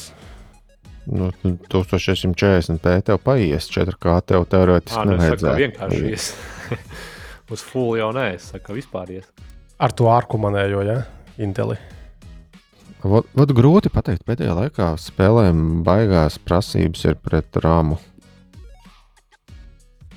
Nu, bet labā ziņa ir tāda, ka operatīva atmiņa nemaksā tā, kā tā maksāja DDR5, tā kā tā maksāja pirms gada, piemēram. Ja? Sliktā ziņa ir tā, ka tev ir jānoskrūvē procesora dzēse, lai ieliktu rāmu iekšā. Nē, es taču divu moduļus iesprūdu normāli, viss kārtībā. Tu domā, ka es nevarēšu pārējos divus ielikt? Nebija jāskrūvē man nekas. Nu, tu esi baigais žipers. Tur vienkārši bišķiņu vajag ar spēku tai lietai pieiet. Tieši tā, tas tā kā ar sievietēm. Ar sievietēm nevajag spēku, tikai ar mīlestību vajag. Uh, tagad vēl, kur mīlestība ir saņēmusi Google Authenticator uh, šī lieta. Nu, kurš izmanto vēl no jums? Izmanto kāds, neizmanto? A, kurš Es izmantoju. Kas? Man ir? Jurģis pie klientiem vai kaut kur. Ah, nē, Google. Vai kaut kur Pie bija, Google. uh, Es un tam citu izmantoju gan, uh, gan uh, WordPressam, gan uh, Discordam. Uh -huh. Un uh, agrāk, jā, tur bija, nebija sinhronizācijas iespējas, pareizi. Uh, un tagad ir pie Google konta, pareizi tas viss kopējas uh, šī informācija. Bet kaut kādi jau uh, ļaudis sāka teikt, ka, nu, jā, nu, forši maleči, bet šifrēšana arī varēja vispār ieviest iekšā tajā pasākumā. Un tagad Google kaut kāds produktu menedžeris Kristiāns ir teicis, ka, nu, jā, labi, kaut kad mums tur plānā ir. Jo šitais arī nu, tā interesanti. Jā, it kā ērti ir tā eh, pārnešana, bet, ja tev nešifrējas tie tokeni vai kā viņi pareizi sauc, tad tā diezgan dizli sanāk. Jau jā- jāteic, autī. es, es, es to jauno variantu, protams, neesmu vēl, vēl izmēģinājis, bet uh, man vecais galīgi nešķita neērts. Nu, tur vienkārši tu uh, ar QR Nu, nu, kodu un tev viss tā kā pārējais. Nu, neērts, tā neērts, bet tu nomaini vietu runu un tu netiec pie savām lietiņām klāt. Uh, Gluži otrādi. Uh, Es, nu, ņem, ņemot vērā, kā, kā, kā, kā nākas testēt vietā, ruņus, man gadā iziet cauri aptuveni 20. Un katru reizi es vienkārši uzlieku eksportēt, un uh, ar QR kodu nofotografēju, man viss, viss Nu, redz, bet šobrīd tu neliks eksportēt, tu ievadīsi, tev pieslēgsies ar tavu Google kontu un tev būs viss nosinhronizējies. nu, skaisti. Ansi, tu jautāji par OFI. Uh, to, to. A, jā, mūsējais, mēs Kristapu Nozīmē, izmantojam. Nē, es neizmantoju vairāk. Es arī izmantoju, Ah, tu bitvārdienu pārgāji. Tā kā es pikseliem visu no nulles man bija jātaisa, es domāju, ah, pamēģināšu visu sabāzt iekšā bitvārdienā. Uh, Ofijam paroli var uzlikt, un ja var uzlikt paroli, gan jau kā arī šifrēšanu tas nozīmē. Ne? Jā, autīs iet kopā ar telefonu numuru. Tur viss backupojās, jā, Jā, okay. okay. pārnesās un, un sinhronizējās. Tur viss ir super. Jo bitvārdena gadījumā es joprojām lietoju uh, š- arī šo daļu. It kā no vienas puses ir ērti, ka tev ir viss kopā lietotnē, gan, gan lietotāja var, gan paroles, gan tie kodi. Bet uh, es teiktu, ka Al- Alfijam un arī Google Authenticatoram nu, saskarne ir vieglāk, ātrāk atrast. Uh, jā, tā kā nu, nav, nav viss perfekti. Bet darboties, darbojas, un jau kaut cik arī droši. Par paralēliem runājot, eh, kas tur bija šie te protona, pagaid, protona mail, uh, tiem veidotājiem, nu, kompānijai Proton, viņiem bija mails, viņiem bija Max VPN. Un tagad viņi kaut kad nesen šajās nedēļās bija izlaiduši arī uh, vēl vienu rīku. Nebija kaut kas Proton pās, vai, vai, vai, kā, vai es nosapņoju to kaut kur. Nē, nē, viss pareizi. Ka- Kaut kas tāds bija, bet man liekas, mēs palaidām šo garām.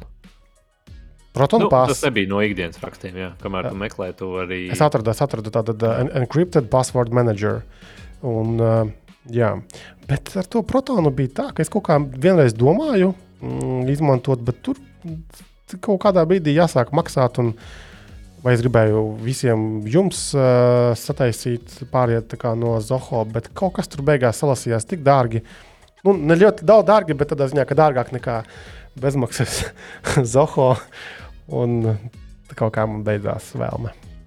Bet viņiem jau, man liekas, tam protonam arī bija kaut kādas problēmas, ka viņi no sākuma ā, sevi paziņoja kā šveicieši, kā Neitrāli. ultra un- droši, Mm. mm. neitrāli un tā tālāk. Bet kaut kas, vai viņi tur pārdevās, vai Nē, nē, viņi tu- nopirka. Nē, nē, Ka, kaut kas tur nebija baigi pēc tam tīri, un pēc tam viņi kādu laiku nebija pieejami. Bet es precīzi Nē, nē, neatceros, tur, tur kas bija kaut, kaut kāds stāsts ar to, ka viņi solīja nekām nedot datus, nekādus logus, metadatus, liekas, tieši. Bet tad, kad atnāca kaut kāda policija paprasīt kaut ko, tad, nu, jā, protams, lūdzu, vakur dati ir ņemiet un Ah, jā, kaut ko viņi tur bija atdevuši. Tas negāja kopā ar to, kas bija sākotnēji it kā solīts. Tāds Jā, viņiem, viņiem bija tajā viņu policija, bija ierakstīts kaut kas iekšā, ko viņi nedos. Jā, Jā, viņi bija nekad- beigās iedevuši, mm. Un viņi izlaboja pēc tam to policiju. Acīm redzot, citādāk viņi nedarbotos. Tas biznesa viņus aizliegtu visur, kur vien var aizliegt, un, un ar to arī beigtos stāsts. Nu, tas, tas, tas tas pats, kas amerikāņi šobrīd ir pabakstījuši šveiciešus par, par visu šo krievu naudas turēšanu, it kā, kā neutralitātē, bet nu, faktiski drošībā. Un, Un par holokaustu šo upuru zelta glabāšanu. Nu, par šo te, man liekas, ir arī runa daļēji. Iespējams, jā. Uh, WhatsAppam bija kaut kādi divi jaunumi. Es skatos, ka tad piedāvās iespēju saglabāt pazudušās uh, ziņas. Uh, tikai nevajag atcerēties, ja, ka tev kāds atsūta šo ziņu, kas pazūd, un tu viņu varēsi screenshotot un saglabāt. Kad tu to mēģinās darīt, tad parādās paziņojums tam, kas sūtīja šo, tev šo ziņu, un tad vienkārši laikam vari apstiprināt. Vai vienkārši painformē, ja, ja, someone kept your message so they can refer back to it. Un, uh, jā, un you can control if you want your messages kept. Nu, jā, tu vari kontrolēt tomēr šo lietu. Tas bija tieši runa par, uh, par ziņām uh, Tas čatā. ir par ziņām, jā, nevis Mm. par bildēm, bet uh, var uzlikt. Uh, Ar bildēm nevar. Ar bildēm, bildēm nevar ekrānā šādi saistīt, ne? Uh, varēs uzreiz redzēt. Uh, Ka ir sataisīts? Ir. Kas? Ka ir sataisīts.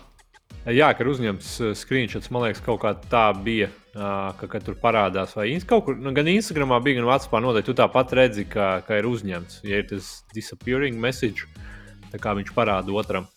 Pagaidā, vai at, at, at, atver vaļā WhatsApp, lūdzu. Es tev aizsūtīšu kaut ko ļoti nešpatnu. Nu, tāda plikbildīta. Uh, mm, tā, pagaidi, kas man te tāds? Tu jau atrodi man, vai neesmu rakstījis Vācijā nekad. Tā, pagaidi, tā. Uh, ok, bum. Vai. Aizsūtīju foto. Tā tad pazudušais foto. Labi, nu, es tev tā Es redzu, kā taisīts. Uh, redzi, viņš jau it will disappear. Jā, also you can share copy, save or take a screenshot. Ā, jo, nu, tā kā nevar, nevajag es uztaisīšu. No, Netaisās nekas. es uztaisīju. Ā, skaties, un viņš uh, screenshot blocked. Viņš parāda man tādu, it looks like you try to take a screenshot for added privacy. If you want message, don't let you do, do this. Viņš man parāda tādu blocked. Jo šī Krista te, pasūta man arī bildīt, jo es gribu zināt, vai ir atšķirība iOS un Nē, jūs Android. nevarat redzēt. te. Bet Vai- ekrāna ierakstīšana. e, laba doma. Pagaidi. tā. Jā, tas screen recordings gan strādās, jā, kas ir Apple, jo viņš iet caur. Uh, Tā, Jurģi, Viņš es tagad sūtu tev. Sekundīti. Galerija, bildes. Tāks, pazudušais. tā kā vispār šis cepur nost. Aizsūtīju. Nevar krīpot. Vai Nu, izmantot. saņem bildi. Tā, saņēmu to apstīšos. Šis jā, Labs augs bija. jā, jā, jā, jā. Tā. Nosaukums labs. Ekrāna uzņēmuma nevar uzņemt drošības politikas dēļ. Ha!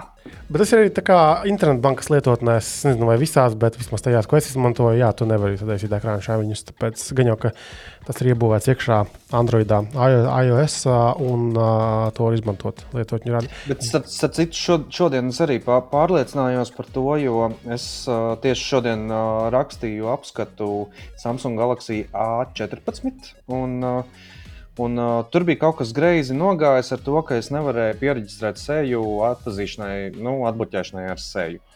Um, Mans, mans ģīmītis rādās, un visu laiku tā kā 0% ka, ka dati ievākti. Un, uh, un tad es arī gribēju uztaisīt screenshot un ielikt apskatā, un arī nevarēju. Jo, jo nu, kā, pie, pie, pie drošības lietām arī acīm redzot, viņi ir piestrādājuši, ka, ka tu nedrīkst viņus kā nofotografēt un laist apkārt.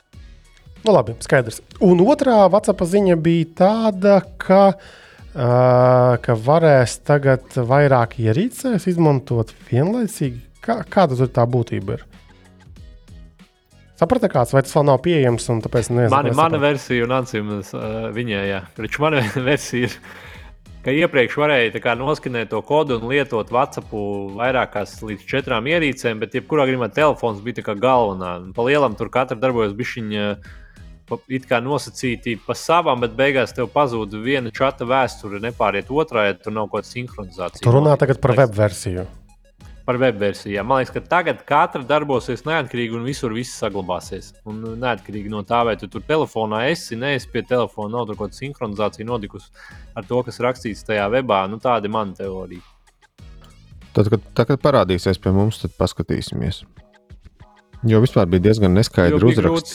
saprast. Nevarēja saprast, jā. Nu, pagaidi. Jā, nu, labi, ok.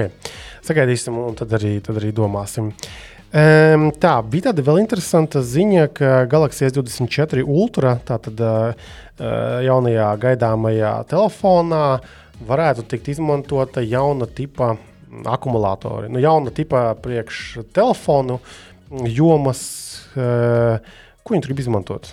No, no tas, kas ir no elektroskūteriem, Jurģi, tu, tu pētīji šo Jā, jautājumu. jā tur, tur tā doma tāda, ka viņi uh, uh, vēlas citādāk izvietot tās uh, nu, baterijas šūnas, uh, un tas princips būtu ļoti līdzīgs kā elektroskūteros izmantotais. Līdz ar to uh, tādā pašā izmērā būtu iespējams izmantot lielāku kapacitāti. Bet uh, pie tā tur pie tā paša avota, kur, kur, kur, kur es skatījos YouTube par šo baumu, bija arī vēl viena atruna par to, ka Samsung visticamāk nepalielinās kapacitāti, visticamāk vienkārši samazinās akumulātoru, lai pārējās detaļas varētu izmantot, nezinu, vai tur salikt lielākus sensorus kārtējo reizi kamerām vai, vai, vai kaut ko tam līdzīgu.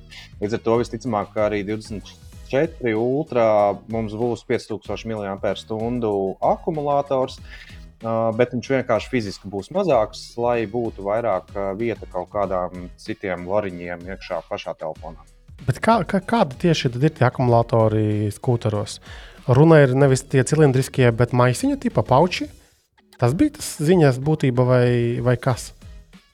Jā, nu uh, jā, nu zini, zin, es, es pre, precīzi tev, tev nepateikšu, tāpēc, ka es skatījos. Uh, uh, tehnoloģiju ziņu ap, apkopojumu uh, Pocketnavā, un tad, tur viņi nepaskaidroja konkrēto tehnoloģiju kā tādu. Viņi pateica vienkārši, ka, nu, ka tehnoloģija nāk no aizgūta no elektroskūteriem. Uh, bet, uh, bet tas nav nekas jauns, jo, jo ja mēs skatāmies, ja nemaldos, iepriekšējā vai, vai vienu podkāstu pirms tam es arī stāstīju par to, kā Honors un kā Xiaomi arī šobrīd nu, eksperimentē ar to, kā Uh, tieši tādā pašā izmērā dabūt uh, lielāku kapacitāti. Un tur arī viņi, nu, viņi, protams, uh, eksperimentē ar cietvielām, tad tur citi eksperimentē ar to, kā, kā izvietot tās šūnas un, un, un tam līdzīgi. Un galu galā arī dalīt divās daļās tos akumulatorus. Tas, tie, lai kaut kādas superātrās uzlādes varētu arī panākt. Arī, arī tādi dizaini jā, redzēti. jā, jā, tāpēc ka. OnePlusam bija arī tos starp, man liekas. Jā, jā, jā da, daudz, daudz tie, tie, kas izmanto tās superātrās uzlādes, viņiem nāks viņus dalīt uh, divās daļās, uh, kas ir nu, pirmkārt drošības risku dēļ. Un, uh, un līdz ar to viņiem sanāk, ka viņi uh, kaut kādu daļu, uh, daļu no tās potenciālās kapacitātes pazaudē tam pašam akumulātoram. Mhm. Bet nu, drošības dēļ tas ir nepieciešams, jo neviens negrib, lai atkārtotos uh, uh, naudas septiņu stāsts. Nu, kā veci cilvēki, mēs atceramies vēl šo notikumu. Bet interesantā kārtā, nu, vairāk tādi traki tieši ar baterijām saistīti faili nu, nav pieredzēti. Ne? Ik pa laikam kaut kas mazliet kaut kur uzdūmo, bet arī, man liekas, ar gadiem ar vien mazāk. Bija viens moments, kad, kad bija biežāk šādas ziņas redzamas, vai nu tiešām ir iemācījušies šīs tehnoloģijas taisīt uzticamākas un drošākas. Jo, labi, varbūt tas ir saistīts arī ar to, ka bija viens moments uh, vietā ruņu attīstības uh, laikā, kad nu, auga tās ietilpības. Ja? A tagad viss vairāk par 5000 mAh īstenībā nekas nav. Tā viņi tur levitē 4,5, 4, 700, 5000. Viss, daži tipi ar tiem akumulatoriem ir. Nu, tad tikai domā inženieri, kā, kā iebūvēt iekšā. Efektivitāte. Jā, jā. Nu, jā, tāpēc, ka šobrīd ir pirmkārt programmatūra uzlabota. Un otrkārt, arī, ja mēs paskatāmies uz pašu, jā, tieši tā, čipkops, viņi izmanto jau, jau, jau tik efektīvus risinājumus, ka, ka tev pat nav nepieciešams. Nu, nu kā, nu, čipi kā tādi vairs nav, nav tik lieli, kādi tie bija pirms centiem gadiem. Nu, mm. Vēl par baterijām runājot, bija arī ziņa, jā, šodien, ka Tesla ir izziņojis informāciju par to, cik daudz no bateriju sākotnējās ietilpības tiek zaudēts, kad auto nobraucis pietiekami lielu attālumu. Šajā gadījumā viņi tur testus, testa dati ir par 200 tūkstošiem jūdžu, kas kilometros ir aptuveni 320 tūkstoši. Tā tad ļoti daudz. Principā, lielai daļai mašīnu tas ir viss mūžs. Un tad Tesla saka, ka, nu, ka vidēji šādā nobraukumā tiek zaudēti 12% no šīs energoietilpības kapacitātes, kas man liekas ļoti, ļoti, ļoti labs rādītājs. Nu, tā kā rīktīgi labs. Bet ar tām elektromašīnām tur gan jāņem vērā.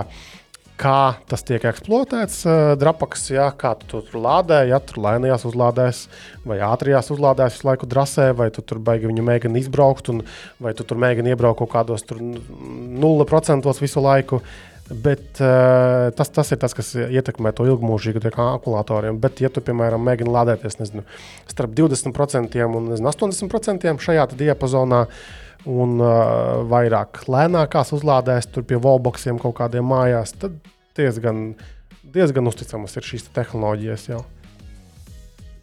Ja būtu kādam no mums elektroautoriem, mēs varētu dokumentēt, bet mums nekā tāda nav. Tāpēc mēs ejam tālāk uz nākamo uh, Tesla ziņu. Tesla šobrīd. Tas to, to pacels no 50 tūkstošiem eiro uz 75 tūkstošiem eiro. Vairs nebūs tas, uh, tas, kāds, tas ekskluzīvais aparāts. Tad jau mums parādīsies, protams. Bet mums nevajag ekskluzīvos aparātus. Mums pilnībā pietiek ar tiem Audi e-tronu par 413 eiro mēnesī. Pareizi, Ansi? Protams. Es... Audi, lūdzu, sazinieties ar mums. Mums jā. vajag dažus. Nu, nu pieci pietiks. Jā. Pāri, pāris. Pieci. Jā, nu, es nezinu, grūti pateikt. Nu, vismaz vienu pa 413 eiro mēnesī. Mēs varēsim uz maiņām braukt, es domāju. Jau, jau būs labi. Um, vēl par to Teslu, ja mēs runājam, tad uh, nu, ik pa laikam kāds iet bojā. Uh, braucējs ar Tesla automobīļiem, kas iedomājas, ka Ilona Maska eh, reklamētais autopilots ir reāli autopilots, kas ļauj automašīnai pašai stūrēt un braukt. Un atkal ir kārtējā kaut kāda tiesas prāva. Tur, tur joprojām pirms vairākiem gadiem notikuši avārija, kuras gaitā gāja bojā šis vadītājs, šoferis mašīnas. Uh, Un, un tad ir ļoti interesanta situācija, ka Tesla ir izvēlējusies zin, kādu stratēģiju, ka, ka, ka, ka viņi tagad saka, ka nu, vispār jau Ilona Maska izteikumi par to self-driving, ja pašbraukšanu, visdrīzāk ir bijuši šie deepfake video kaut kādi. Atcīm redzot, tur notiek atsaukšanās uz to video, kuru mēs arī paši runājām kaut kur epizodē, eh, kad uh, bija taču video kurā tāda tiek reklamēts un tiek rādīts, kā viņa pati brauktu, un tad tā, tā mašīna pa pilsētu. Un tad eh, nesen bija tā ziņa, ka kāds no bijušajiem darbiniekiem vienkārši norādīja, ka nu, vispār jau tas bija šausmīgi saskriptēts gan video, gan arī toreiz maršruts, un tā, ka tie izteicieni neatbilda realitātei, cik tā mašīna spēja vai nespēja. Lūk, un, uh, bet, come on, kāda deepfake? Ko jūs tur pavisam afigēļi? Jurģis arī net, netic šādai versijai. Nē, nu, tas izklausās, ka tu vienkārši nu, nu, sūdīgs tiesvedības process, nu, ka, tu ne, nu, ka tu nevari atzīt savu kļūdu, tad tu ķeries pie, pie jebkādiem salmiņiem, bet nu, piedošana tas patiešām izklausās pēc Trumpa. Tad tajā brīdī, kad tev, tev uzbrauc kāds augumā un, un argumentē, tad vienīgais, ko tu māki pateikt, ka tas ir uh, fake news, deepfakes un vispārējais. Mm. Tā, Jā, bet Amerikā tas ir diezgan, uh, nu, tur jāskatās kompleks, ir šis, šī problēma. Ja viņi atzīst uh, kaut ko, nu, viņi atzīst savu Tā kaut kādu kļūdu, tad jā. tas ir, tad ir vārti vaļā, un tur viņiem nāks virsū ar visu kaut ko, ar to pašu un visu kaut ko citu. Bet Tur tas nav tik ļoti vienkārši. patiesība. Bet, nu, no otras puses, nevajag būt nu, sūdam uz kociņu un teikt to, tās lietas, kā tas nu, nestrādā. Ilon, ja tu klausies šo mūsu podkāstu, ja esi vecis un atzīsti savu kļūdu, ka tavs autopilots nav nekāda pašbraucošā tehnoloģija, tā kā tu to tur baigi reklamē. Ja? Jā, lūdzu, Ilona, tieši Jā. tagad. Tad mēs varbūt kaut kādos jautājumos atsāksim cienīt tevi no sirds un dvēseles. Kā arī var mums atsūtīt dažas mašīnas, piecas, piemēram. Es Mēs pamēģināsim, pateiksim, kā tur ir vai nav. Nedarbojas jau šeit tas uh, pēdiņās autopilots. Tā kā, Tā ka darbojas. vispār, Nē, vispār. nē, nē, tā kā tas ir uh, ASV, jo tur runā, ka esat baigā atšķirība. Lai gan vietējie fanboji arī saka, ka nu, nē, Latvijā viss baigi darbojas. Zini, kā gan jau kāds var atbildēt. Pa lielam viņi Nevar. nāk ar vienādu programmu. Nevar. Domāju, viņš atšķirās pat tādā līmenī. Protams, Starp citu, smieklīgi mani kaut kad aptuveni pirms gada ā, veda mājās viens no filmēšanas, veda mājās viens ā, šoferis, un ā, viņam bija uzstādīta aplikācija. Kas visu laiku fiksē, kur viņš brauc un skenē kaut kādus ceļus. Es prasīju, nu, kas tas ir. Un tas ir kaut kāds uh, brīnums uh, Teslai, kur sūta Teslai datus, uh, lai ievāktu visu kaut ko. Un, un es saku, nu, kāda tev, tev, tev jēga. Nu, tur es tur nobraucu tik un tik kilometrus, un tad tur es varu apmainīt pret kaut ko. Man tur planšeti atsūtīja, man tur to atsūtīja, tur to atsūtīja, kaut ko vēl šito. tas ir tā kā veizā, tu ēd tos gardumiņus uz ceļa braucot. Ja? Nu, tipa no sērijas, bet nu, likās kaut kas tāds baigs šeidī. Bet, eh, bet filmēšanas joma beigas labājumu, tad jums šoferī braukā ar Teslām. Nē, Tesla tā nebija, bet uh, viņam bija telefonā tāda lietotne. À, telefonā. Mhm. Un priekš Teslas kaut ko viņš tur darīja. Jā, nu, uh, nu, tur, tur uh, ir uh, kaut kāds disclaimers, ka, ka dati tiek no, nosūtīti vai nu Teslai pašai, vai, vai nu, nezinu, ka tiem, tiem, kas uh, apkalpo uh, tieši to autopilotu vai kaut kā tamlīdzīga. Interesanti. Nu, jā, jo Tesla jau tagad ir atteikusies no visādiem sensoriem un paļaujas tikai uz vizuālo. Mm. Ok, labi. Uh, tā, kas mums te bija? Microsoft paziņoja, ka Windows 10 ir pabeigts. Ka, nu, ka nekā labāka vairāk jums neredzēt šajā atzarā uh, produktā. Un ka div- 22H2 uh, versija būs pēdējā. Kas gan neko baigi tur neizsaka, uh, jo tāpat visi sūrie zēni un meitenes izmanto Windows 11. Uh, un viss tur normāli darbojas, un, un nav nevainas. Ja, ja vien nav Ansis, kurš izmanto Emo kuntu. Mm, Jā, man atnāca pagājušā nedēļa šis lunārais lobsters vai kaut kas tāds. Uzliki, Protams. darbojas pat viss. Mm, Droši vien. Okay. Labi, uh, kas tad vēl tāds interesants bija? Ko, uh, kas ar tiem Nokia izturīgiem telefoniem? Uh, Jurģis kaut ko tur gatavojās, bet vai sagatavojies? Jā, nu, tur ar to Nokia ir tā, ka pagaidām viņš nav oficiāli izziņots, bet ir baumas parādījušās, ka Nokia prezentēs jaunu izturīgu telefonu, Nokia XR21, uh, kuram būs gan trieciena izturība, gan uh, ūdens izturība. Nu, vienmēr sakot, varēsim daudzīt un varēsim visu kaut ko darīt. Gorilla Glass Victus virsū un uh, 64 megapikseli galvenā kamera, bla, bla, bla. Snapdragon 695, kas nav pārāk uh, veiksmīgs, manuprāt, bet, nu, labi. Bet, uh, godīgi sakot, par Nokiju ir daudz citas interesantākas lietas. Um, kādu laiku atpakaļ es pamanīju GSM arēnā tādu ziņu, ka Nokia grasās izlaist jaunu uh, nu, vizuālo saskarni, ja tā var teikt, uh, uh, Pure UI. Uh, kas ir nu, pilnīgi cits virziens tam, uh, ko līdz šim Nokia ir darījusi ar Android One. Uh, nu, tā tad burtiski tīru Android likusi visu laiku virsū. Un tas savukārt saskan ar uh, vēl kādu faktu. Uh, vēl, kā, vēl vienā citā tēnku lapelē es izlasīju, ka Nokia grasās uh, nu, mega flagmani ražot. Es, protams, pasmīnēju, nu, apskatījos, un man likās, nu, jā, nu, ņemot vērā, ka viņi pēdējos divus gadus ir tikai un vienīgi budžeta klase, un labākā gadījumā kādu midraidžu ir uztaisījuši, tad uh, par kādu flagmanu mēs te varam runāt. Bet ņemot vērā, ka Nokia pēdējā laikā ir parādījusi ragus un nagus uh, uh, Vācijā un Eiropā, var būt, ka, ka runa par, par flagmani nav nemaz tik, tik ļoti pārspīlēta. Jo proti, Nokia vārds nāk līdzi ar milzīgu mantojumu, jeb šo uh, patentu bagāžu. Mm -hmm. Izmantojot šo opciju un patentu bagāžu, uh, Nokia uh, no Vācijas tirgus ir patriekusi Oppo, uh, ja nemaldos, OnePlus, un uh, tikko bija ziņas arī par Vivo. Un, uh, tātad uh, atgādinu, ka, ka visi šie, šie, šie trīs ražotāji ir uh, zem viena mātes uzņēmuma, BBK elektronikas. Un, uh, un Vivo bija tā, ka tur arī runa par, par šiem patentiem, un Vivo negribēja Vācijā maksāt uh, tā, tās lielās naudas, kuras uh, Nokia pieprasīja, un tad viņi vienkārši nu, aizgāja no Vācijas prom.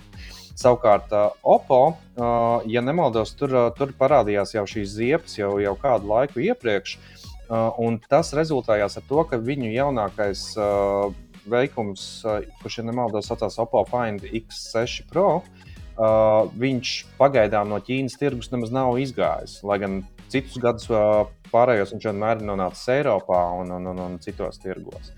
Tā kā nu, skatīsimies un, un, un, un, un nu, domāsim. Arī Rilmī no, no Vācijas diezgan klusi ir ar Nokijas nadziņiem un radziņiem pazudis. Tā kā varbūt ka patiešām sagaidīsim, varbūt šādā veidā Nokija bruģē ceļu savam flagmanim.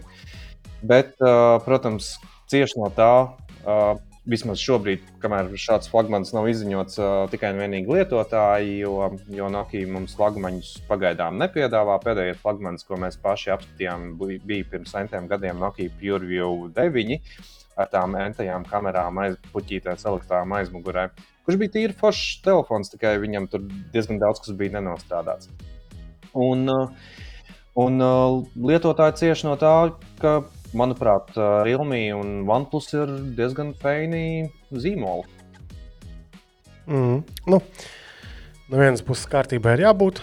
Ja ir patenti, tad par tiem arī ir vērts cīnīties. No otras puses, atkal mazāka, mazāka konkurence nu, nekad nav labi. Tāpēc šeit varētu novēlēt ķīniešiem eh, tikt skaidrībā ar tām tehnoloģijām un uh, iestrādnēm, ko viņi izmanto, uh, un atkal griezties atpakaļ un pelnīt uh, naudu godīgākā veidā. Kas ar Sony? Sony gatavo to dāvanu. Ja? Jā, Sony gatavo man dāvanu. Es jau, jau, jau gribēju prasīt, vai tu, Kristap, nepajautās, kad man ir dzimšanas diena? Uh, lieta tāda, ka man ir uh, dzimšanas diena 11. maijā, un uh, šis datums ir uh, īpašs ne tikai ar to, ka man paliks 34 gadi, bet arī ar to, ka, ka Sony 11. maijā grasās izziņot jauno Sony Xperia 1 Mark 5. Uh, un uh, tur jau, jau ir noplūduši, pro, protams, pirmie attēli, kā viņš izskatīsies. Izskatīsies gauži garlaicīgi, gandrīz tieši tāpat kā, kā pagājušo gadu. Jo Sony patiešām ir tas ražotājs, kurš nemetas nu, kā kaut kādos izaicinājumos, un, un, un, un pē, pēkšņi kaut kādās trakulībās, un nemaina dizainus un, un tam līdzīgi. Bet, neskatoties to, parasti pēc, pēc Sony nu, telefona testēšanas vienmēr tā pēcgarša ir reti, reti laba. Un, un kaut kā domājot par to, kāpēc tā ir, nu, tas ir līdzīgi kā, kā, kā pieņemsim ar, ar Sony austiņām. Viņas varbūt nav super seksīgas, super pievilcīgas, bet skan viņas tik labi, viņas ir tik ērtas, un tur, tur, tur tā latiņa ir uzstādīta augsta. Un par specifikāciju tas, kas pagaidām ir zināms, ir tas, ka, protams, būs jaunākais um, Snapdragon 8 Gen 2, nu, kas tā kā loģiski. Uh, Un ir noplūdusi informācija par to, kāds būs aizmugures kameru komplekts. Galvenā kamera paliek 12 megapikseli nemainīgi, kas ir interesanti. Periskopa kamera arī 12 megapikseli, bet dīvainā kārtā uh, ultraplatleņķa sensors būs ar 48 megapikseliem. Tātad, nu, interesanti, ko, ko viņi būs tur, tur izdomājuši. Jo līdz šim Sonija bija pēdējais mohikāns. Uh, tas, kurš izdomāja, ka, ka sensoros var izmantot pikselu binningu, jeb um, tātad virtuālu pikselu saspiešanu, lai iegūtu lielāku pikseli gaismas jutībai, bet uh, savos vietāluņos viņi pēdējie teikt, šo sistēmu būs ieviesuši. Tikai interesanti, ka tas notiek ultraplatleņķim, nevis, piemēram, galvenajam sensoram, kā to izdarīja iPhone. Nu, sagaidīsim ierīci, un tad arī skatīsimies, kas tur ir mums uh, sanācis. Jā. Vai ir vēl kaut kādas tādas tēmas, uh, kas mums noteikti būtu jāizskata šajā epizodē? Nē, es tikai uh, gribēju Jurģiem pieminēt, ka Sony overieru austiņas ir diezgan smuks. Es nedomāju, ka viņas, viņas pat diezgan tā ļoti glamūrīgi un uh, ikdienas lietošanai piestāv. Uh -huh. Ok, uh, labi. Tad, uh, kas mums ar apskatu frontē notiek? Tātad uh, Jurģis joprojām aktīvi strādā pie Samsung Galaxy A sērijas uh, telefoniem, Galaxy A14, A34 un A54. Uh, ka, ka nākamajā nedēļā gan jau ka kaut kas varētu sākt nākt laukā no šiem apskatiem. Jā, jā man būtībā šobrīd es jau esmu jau pabeidzis apskatu A54. Uh, ne, nenospoilošu akurāti uh, to, to, kas labs, uh, to, to nāciet un lasiet paši. Varu pateikt priekšā, ka uh, diemžēl Samsung nav uh, ņēmis uh, vērā uh, pagājušā gada kļūdas, un diemžēl šoreiz arī uh, pašražotais processors ir vājais punkts. Diemžēl. Ok, vairāk apskatā. Tad uh, mums uh, būs viena logu tīrītāja, Hester M2 Pro apskats uh, gaisā gan jau ka pirmdienā. Uh, tad Ansis ir uh, pabeidzis, un mēs esam publicējuši uh, Gigabyte GeForce RTX 4070 Ti video kartes apskatu. Tātad uh, tur arī var uh, palasīties, kā veicas šai kartei. Un tāds interesants produkts ir atlidojis pie mums um, Focusrite uh, Vocaster 2 studio, respektīvi um, podcasteriem. Tāds komplektiņš, nu, pults, audio karte ar, ar austiņām, ar, ar mikrofonu. Uh, viss vis komplekts uh, dzelžu uh, un arī programmatūra turklāt ir, kas varētu palīdzēt organizēt šos podkāstus. Mēs izdomājām tā, ka notestēsim, būs apskats. Piespļaudīsim. Piespļaudīsim, jā, tātad kāda epizode, viena vai vairāk, kas tiks aizvadītas no šī te vērķa, tad arī jums pašiem būs tieši precīza teiksim, iespēja paklausīties, kā tas izklausās. Un beigās arī konkursiņā izspēlēsim šo te. Uh, Anša lūpām skarto mikrofonu. Jā, tā kā. Tas, man man vienīgi bija tāds jautājums piebildes formā droši vien, ka nosaukumā ir ierakstīts tu. TWO, kas nu, iespējams nozīmē divi. Un manā prātā tas būtu bijis tā, kā nu, priekš, priekš latviešu valodā nelieto, bet uh, tas būtu paredzēts diviem sarunu biedriem. Bet faktiski tur ir viens tas mikrofons iekšā un viens austiņš. Un, Tas, tas man tā likās, nu, tā drusku varbūt maldinoši. Varbūt pat tā jāsaka. Nu, tur ir caurums uh, gestam, uh, tajā ierīcē. Jā, jā, jā. Lai nāk jā, ar jā, savu austiņu, lai nāk ar savu mikrofoniņu. XLR mikrofoniņu, lai nāk, jā. Nu, kuram tad nav XLR mikrofoniņš? Nu, vairumam te nav 75%, te nav XLR mikrofoniņu. Nekas tur vieta izaugsmē. Um, Tā, labi. Tad es domāju, ka šodienai pietiek. Jums ļoti jauki, bet piekdienā doties ir vēl jaukāk arī bez jums. Paldies par dalību šajā epizodē. Paldies, dārgie klausītāji, ka klausījās mūs un tiekamies jau pēc nedēļas. Atā, atā, atā.